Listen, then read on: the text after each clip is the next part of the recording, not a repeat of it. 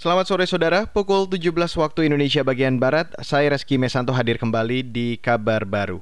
Saudara, pemerintah resmi mengurangi jumlah hari libur panjang akhir tahun ini. Menteri Koordinator Pembangunan Manusia dan Kebudayaan Muhajir Effendi menyebut, cuti bersama yang dipangkas yaitu sebanyak tiga hari.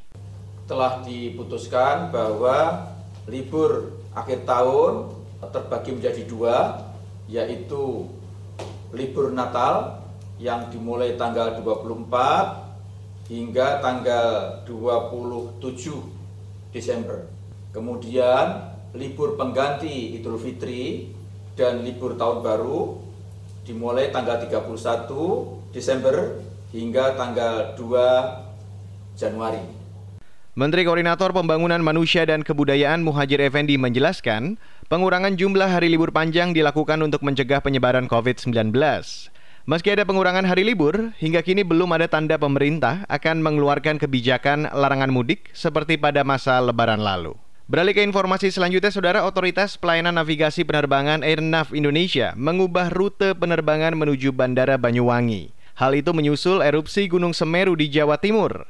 Kepala Cabang Airnav Banyuwangi, Suri Fikriansyah mengatakan, pengalihan rute penerbangan itu dilakukan sejak Selasa kemarin. Rute penerbangan menuju Bandara Banyuwangi yang sebelumnya melalui jalur selatan, saat ini dialihkan melalui jalur utara. Pengalihan rute ini untuk menghindari sebaran abu vulkanik erupsi Gunung Semeru. Karena pesawatnya yang masuknya biasa lewat rute utara, eh selatan, sorry, jadi dirubah lewat rute utara.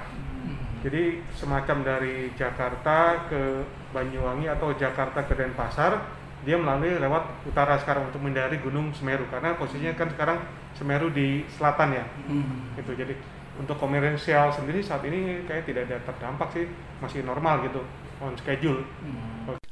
Kepala Cabang Ernaf Banyuwangi, Suri Fikriansyah, belum mengetahui sampai kapan rute penerbangan menuju Bandara Banyuwangi tersebut dialihkan. Sementara itu, General Manager Bandara Banyuwangi, Chin Asmoro mengatakan, hingga hari Rabu siang tadi, aktivitas Bandara Banyuwangi masih berjalan normal seperti biasa, tidak ada pembatalan atau penundaan penerbangan. Beralih ke mancanegara, saudara, Tiongkok akan mulai membagikan ratusan juta vaksin virus corona ke negara-negara yang menjadi tempat uji klinis tahap 3. Pembagian vaksin akan dilakukan dalam beberapa bulan ke depan. Sejumlah pejabat Tiongkok berjanji negara-negara berkembang akan menjadi prioritas pengiriman vaksin-vaksinnya yang sudah lolos uji. Dan saat ini Tiongkok memiliki lima kandidat vaksin corona dari empat perusahaan yang seluruhnya telah mencapai tahap 3 atau tahap akhir uji coba sebelum regulasi persetujuan diterapkan.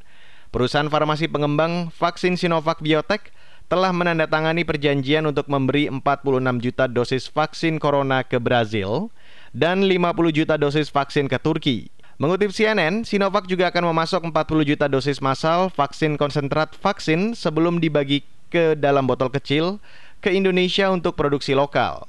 Kandidat vaksin lain adalah buatan CanSino Biologics dan China National Biotech Group.